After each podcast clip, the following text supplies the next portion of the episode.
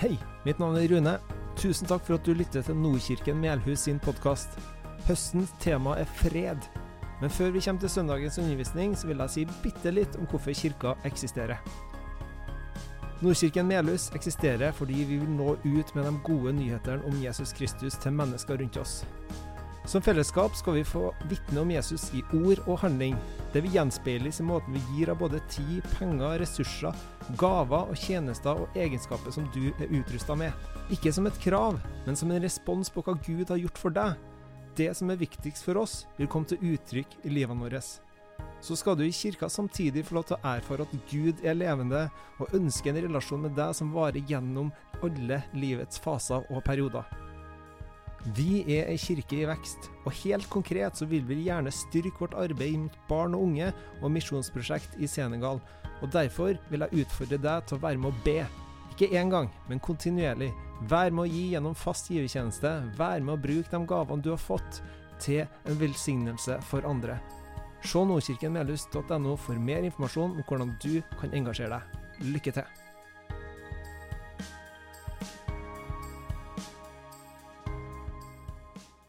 Dag så tenkte jeg at jeg skulle eh, snakke om fredens evangelium. Eh, for dere som ikke har vært her så mye i høst, så har dere kanskje ikke fått med dere temaserien vi har, men vi har hatt, eh, hatt om fred i høst. Om eh, det at Jesus kommer med fred, og at vi er bærere av fred innvendig. Eh, og at vi rett og slett får tilgang på en fred som er annerledes enn den freden verden snakker om. Eh, den fred som går mye dypere, og som kan være Vi kan kjenne på en sånn ro og en fred selv om det stormer rundt oss, selv om det er uroligheter, selv om det er sykdom, selv om det er ting i livet som er vanskelig, så kan vi likevel ha, ha en fred. Eh, og så er den freden ikke bare til oss, men det er òg eh, gode nyheter som vi skal få dele. Um, så jeg skal snakke litt om fredens evangelium, som det òg står i om Guds fulle rustning. Og for de som er veldig skarpe, så skjønner dere at nå skal vi inn i Efeserbrevet. Um, og i fjor så hadde vi jo ganske mye om Efeserbrevet. For på kveldsmøten så gikk vi kapittel for kapittel. Men likevel så tenker jeg at det kan være greit å ta en liten sånn recap for når vi snakker om eh, ting i Bibelen, så er det alltid del av en helhet. Det er del av en kontekst. Det er skrevet med en sjanger, et språk, og til en kultur og en mottaker. Eh, så jeg vil bare ta en rask oppsummering av det. Jeg har med et bilde her som The Bible Project har laga til en sånn animasjonsvideo. Så de har videoer fra alle Bibelens bøker og Eh, veldig mye gode ressurser som det går an å sjekke ut eh, hvis dere er nysgjerrig. Men det brevet her da, det er skrevet av Paulus, og han bodde eh, ganske lenge i en by som heter Efesus, og starta en menighet der. Og dette brevet er skrevet til den menigheten, men samtidig så det, har det ikke med sånne personlige hilsener, sånn som man har i de andre brevene. Så det tyder på at det er meint som et undervisningsbrev sånn teologisk eh, avhandling eller noe sånt som eh, skulle sendes rundt i området. Eh, og så kan man dele opp boka på flere måter, egentlig, men den første delen handler om evangeliet og Kristus og menigheten. Det stadfester at Jesus er herre overalt og alle. Det forteller om hva han har gjort, og så forteller det om vår stilling som et resultat av det ikke noe vi gjør sjøl, men det er noe som eh, vi får. Og at vi har del i all åndens velsignelse som Guds barn. Og det gjelder ikke bare for jøder, eh, som Jesus var sjøl, og de han kom til i utgangspunktet, men det gjelder alle som tror på ham. Og så eh, kommer vi over til siste del av kapittelet, som sier at pga. det som står i starten, eh, så får vi et nytt liv i Kristus. Eh, og vi som troende kan ta av oss det gamle eh, og ikle oss det nye mennesket som et resultat av at vi kjenner Jesus. Det forteller om hva livet med Jesus innebærer, og hvordan Ånden transformerer oss. Og så avslutter det med en, en kamp, da, som vi står i. Og det er i den sammenhengen at vi leser om den rustningen. Og Paulus han skrev jo dette mens han var i fengsel og så vakter eh, rundt seg og ble nok mye inspirert av det. Eh, så jeg har bare lyst til å lese det som står i Efeserne kapittel 6, vers 10-20. Til slutt Bli sterke i Herren, i Hans veldige kraft. Ta på Guds fulle rustning, så dere kan stå dere mot djevelens listige knep. For vår kamp er ikke mot kjøtt og blod, men mot makter og åndskrefter, mot verdens herskere i dette mørket, mot ondskapens ånde her i himmelrommet. Ta derfor på Guds fulle rustning, så dere kan gjøre motstand på den onde dag og bli stående etter å ha overvunnet alt. Stå der fast, spenn sannhetens belte rundt livet og kle dere i rettferdighetens brynje. Stå klar med fredens evangelium som sko på føttene. Hold alltid troens skjold høyt.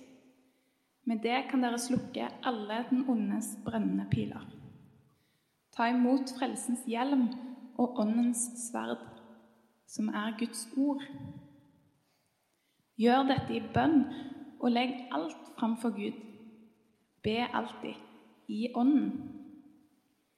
Våg å holde ut i bønn for alle de hellige, også for meg.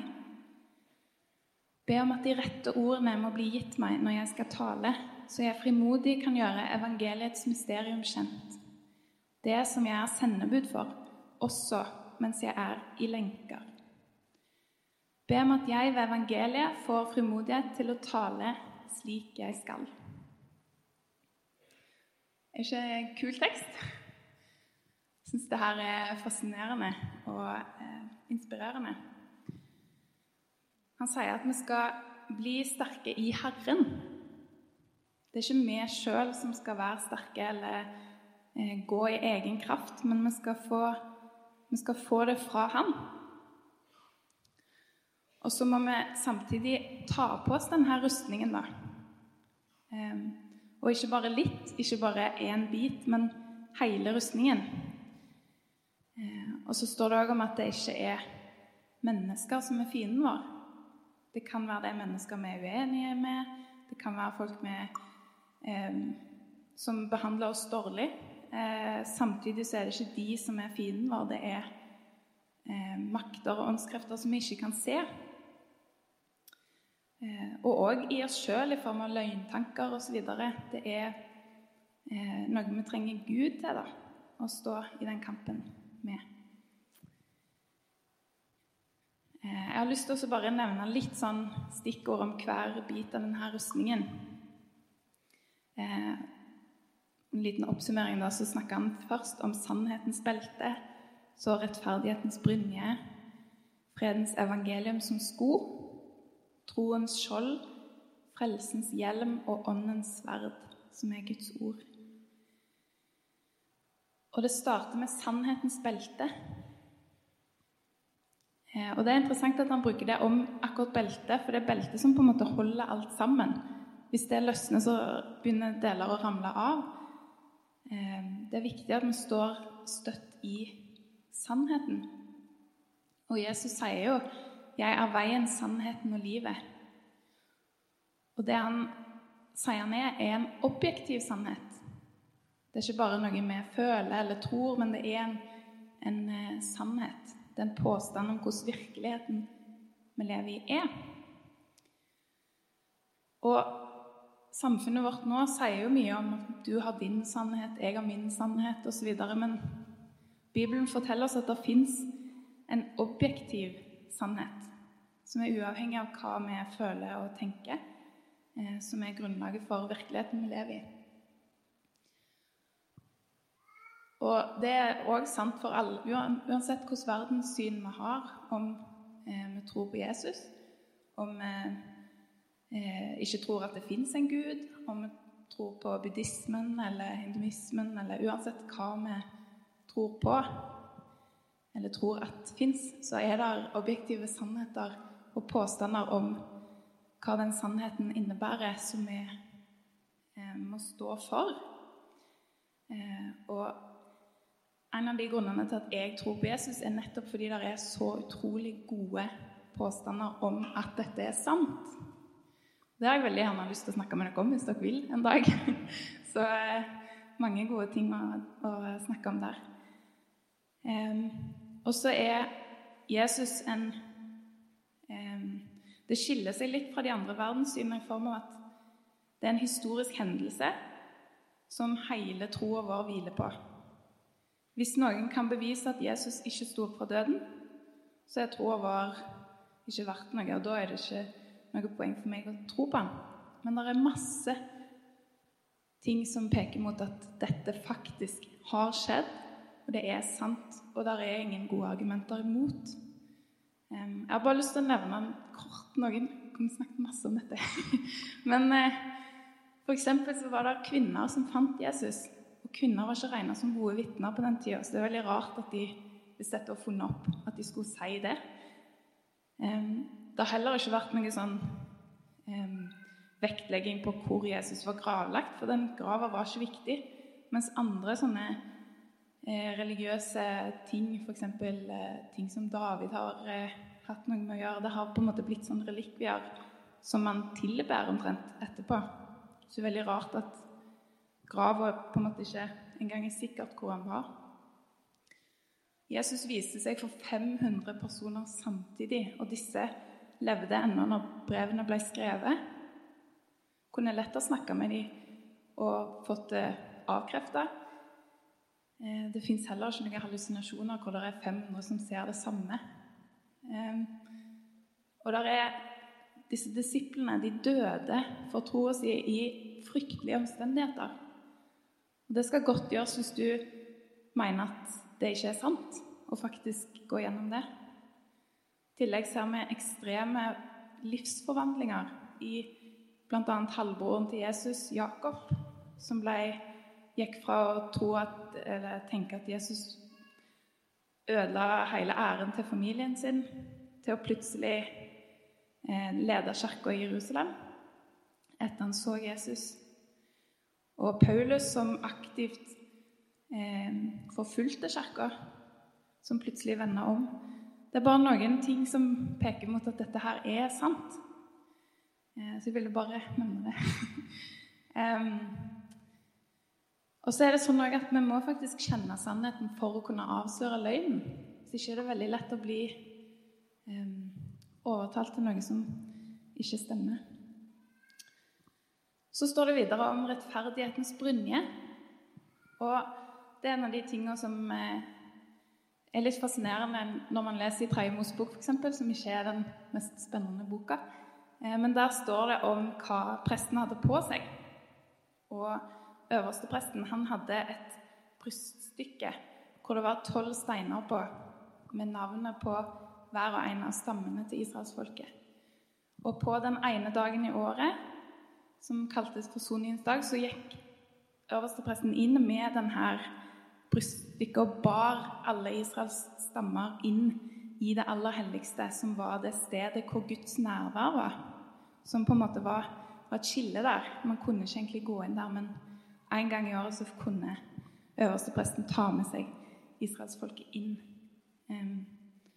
Og Jesus han forsoner oss med Gud gjennom den rettferdiggjørelsen vi får i ham. Så den brynja her er et, et, symbol på at vi, får, eh, vi er forsont med Gud. Så har vi eh, fredens evangelium. Og det er skoene våre, det er det som bærer oss og tar oss ut i misjonsbefalingen. Gå derfor ut og gjør alle folkeslag til mine disipler. Det skal jeg komme tilbake til òg, så kommer mer om det etterpå. Så har vi troens skjold. Og som jeg sa i stad, det er ikke blind tro. Det er troverdig, og det er masse ting som underbygger det vi tror på.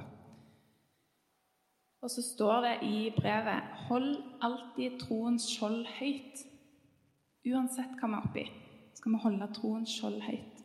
Og tro er ikke bare å tenke at det stemmer.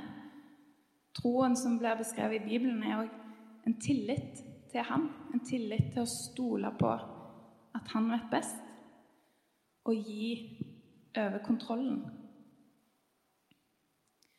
Og det står at vi er frelst av nåde. Og så vises det òg i troa vår. Eh, og for de som eh, har vært borti Asterix Obelix før, eh, så ser dere kanskje hva dette bildet her indikerer. Men på den tida Paulus skrev det brevet her, så var dette en ganske nylig oppdaga formasjon. Og det skjoldet som ble brukt, det var ikke et sånt lite, rundt skjold som vi gjerne ser eh, sånne utkledningsbutikker og sånn, men det var sånne store som dekka hele framsida. Eh, og i tillegg så hadde de funnet ut at det var lurt å samle seg og gå som en formasjon med disse skjoldene på alle kanter.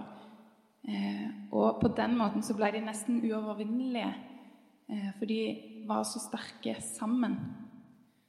Og Sånn er det med troa vår òg.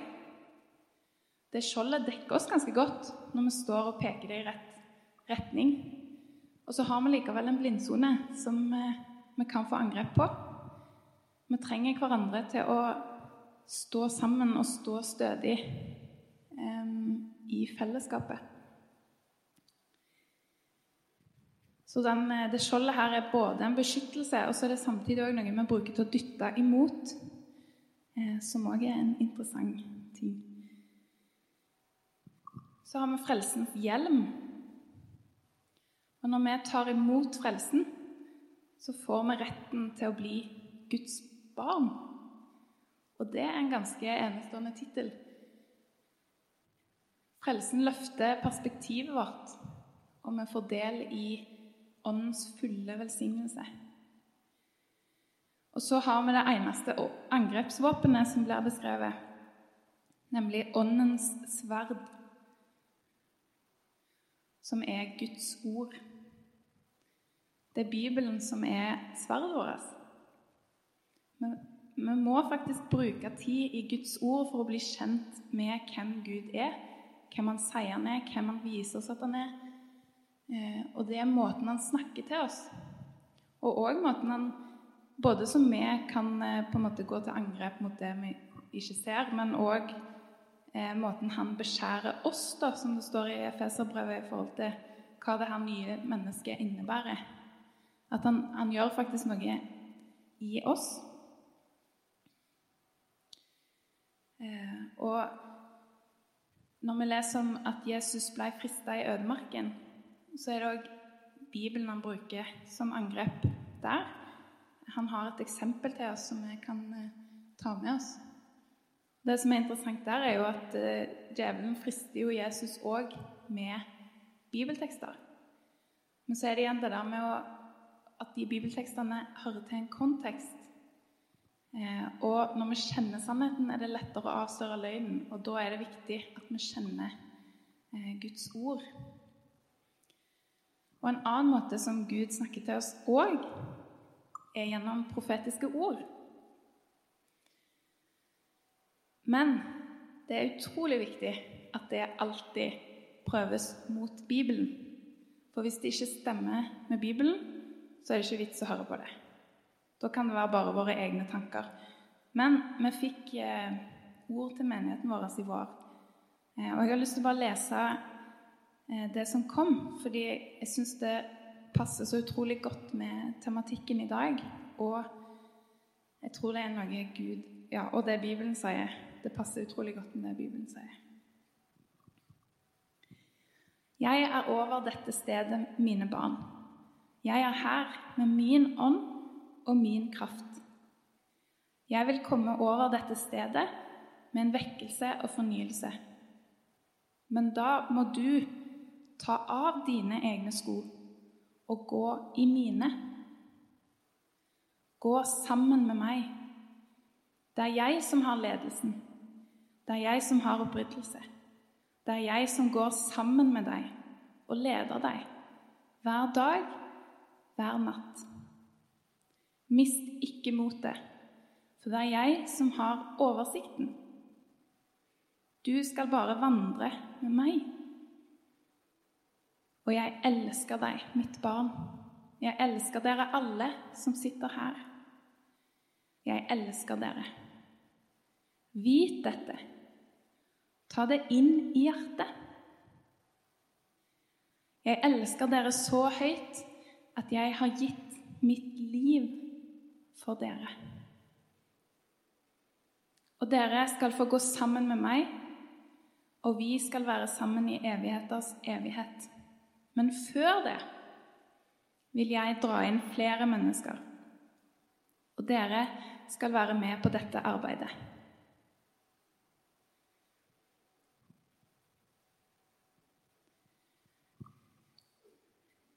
Når vi går sammen med Gud, så eh, skjer det ting. Eh, og det som er så kult, er at han har en oversikt som vi ikke klarer å ha sjøl. På fredag så hørte vi litt eh, Når det var medarbeiderfest, så var Øyvind fra Salem eh, innom og fortalte litt om bygginga deres av et nytt bygg.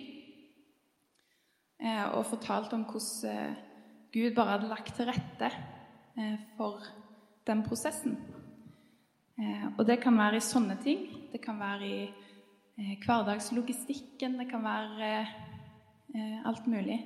Så legger Gud til rette for oss. Og han vet hva vi trenger før vi har bedt om det. I hvert fall når vi ber 'la din vilje skje'. Da har han kontroll.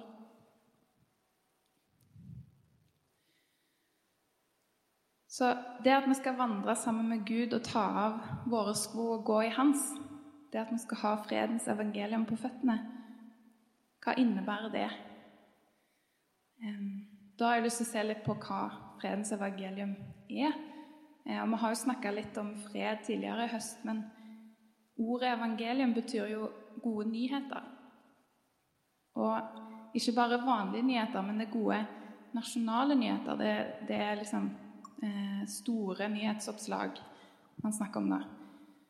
Og I Gamle testamentet, på hebraisk, så brukes eh, det to ord om eh, det samme eh, greske ordet. Og det er biser, som betyr eh, gode nyheter om en militær seier. At det er noe som kongeriket, det er gode nyheter for kongeriket. At de, nå har de vunnet slag, eller eh, den type ting. Og så brukes Besora om gode nyheter når en ny konge kommer. En ny regjerer.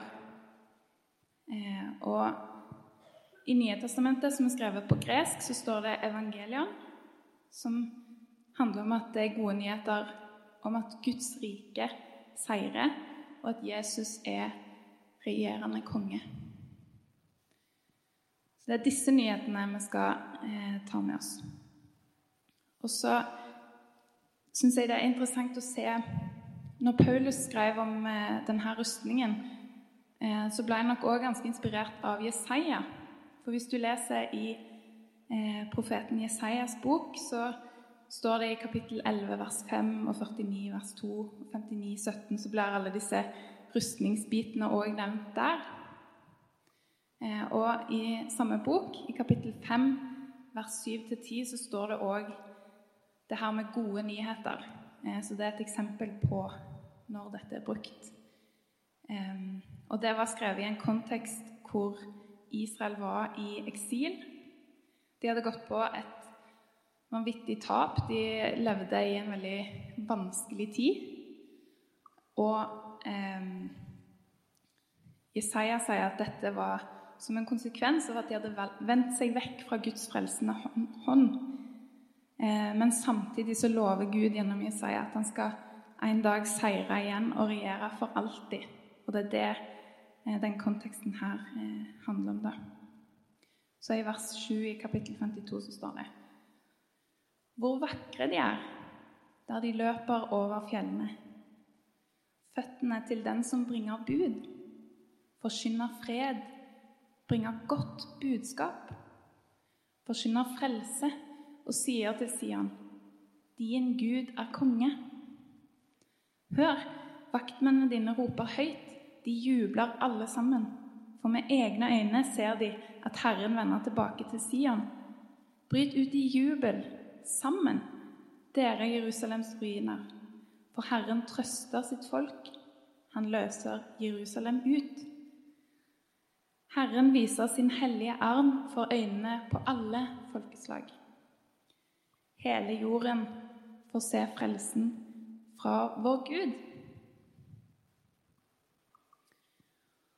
Og hvilken seier er det Jesaja snakker om her?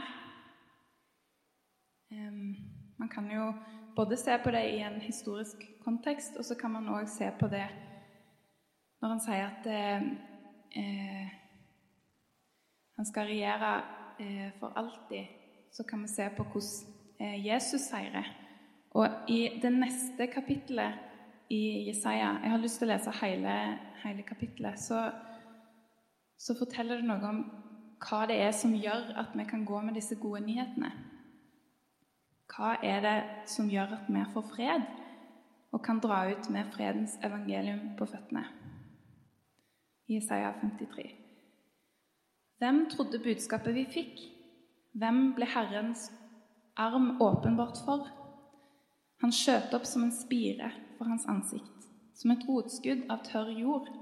Han hadde ingen herlig skikkelse vi kunne se på, ikke et utseende vi kunne glede oss over.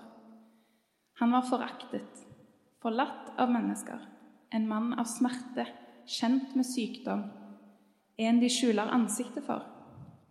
Han var foraktet, vi regnet ham ikke for noe. Sannelig, våre sykdommer tok han.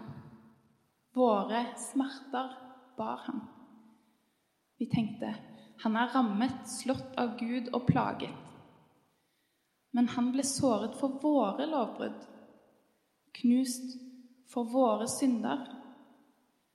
Straffen lå på ham.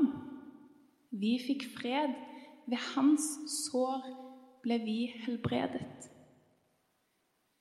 Vi gikk oss alle vill som sauer, hver tok sin egen vei. Men skylden som vi alle hadde, lot Herren ramme ham.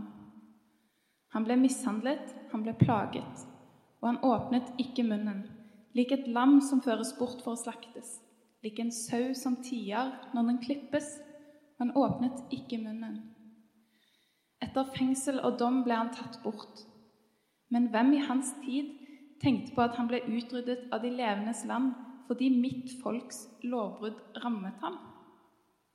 Da han var død, fikk han sin grav blant urettferdige og hos en rik, enda han ikke hadde brukt vold, og det ikke fantes svik i hans munn. Det var Herrens vilje å knuse ham med sykdom. Når hans liv er gitt som skyldoffer, skal hans etterkommere leve lenge. Ved Hans hånd skal det lykkes, det Herren vil. Etter sin nød skal han se lys, han skal mettes med sin innsikt. Min rettferdige tjener skal gjøre de mange rettferdige. Han har båret deres skyld. Derfor gir jeg ham del med de mange, med de mektige deler han bytter, fordi han tømte ut sitt liv til døden og ble regnet blant lovbrytere.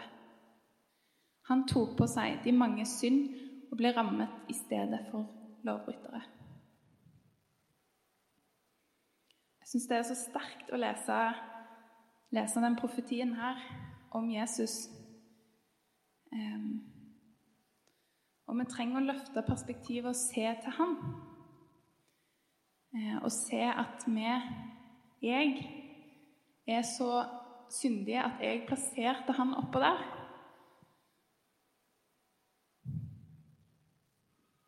Straffen lå på ham, og vi fikk fred. Og samtidig så er det på grunn av dette at vi er rettferdiggjort. Og den synda, den er tilgitt. Når vi klarer å løfte perspektivet og se det, kjenne oss sjøl, kjenne Hans frelse, da tenker jeg vi er godt skodd, og det er dette vi må dele.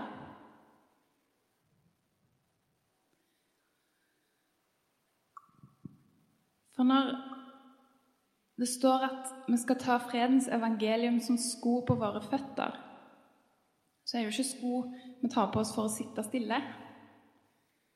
Det er ikke sko vi tar på oss for å eh, bare kjenne på den freden her sjøl. Men vi er bærere av en fred som vi vil dele, som andre òg skal få lov å oppleve. Vi skal få lov å, å gi de her gode nyhetene videre. Som eh, det òg sto i den profetien, så vil Gud ha med Han vil dra inn flere. Så la oss gå ut og bære denne freden inn i hverdagssituasjonen vår, inn i familielivet, inn i, eh, til kollegaene våre, ut der vi er. Og dele det her eh, budskapet. Kjære far, takk for at vi får være dine barn, dine elskede barn. Hjelp oss å ikke bare tenke at det er sant, men kjenne at det Kjenne at vi tar det inn i hjertet og kjenner det med hele vårt vesen. La oss få erfare din kjærlighet og at du elsker oss så høyt. Takk for at du er over dette stedet med din ånd og din kraft. Jeg ber om at du skal komme med vekkelse og fornyelse og hjelpe oss å ta av skoene vi har, ta på oss dine og gå med ditt evangelium. Hjelp oss ikke å holde det for oss sjøl, men dele det med glede. Takk for at du har ledelsen dag og natt. Hjelp oss å ikke miste motet, men stole på din oversikt og din plan. Takk for at vi får vandre sammen med deg og inn i evigheters evighet. Og bruk oss til å spre evangeliet, sånn at du kan dra flere mennesker inn til deg, Jesus. Amen.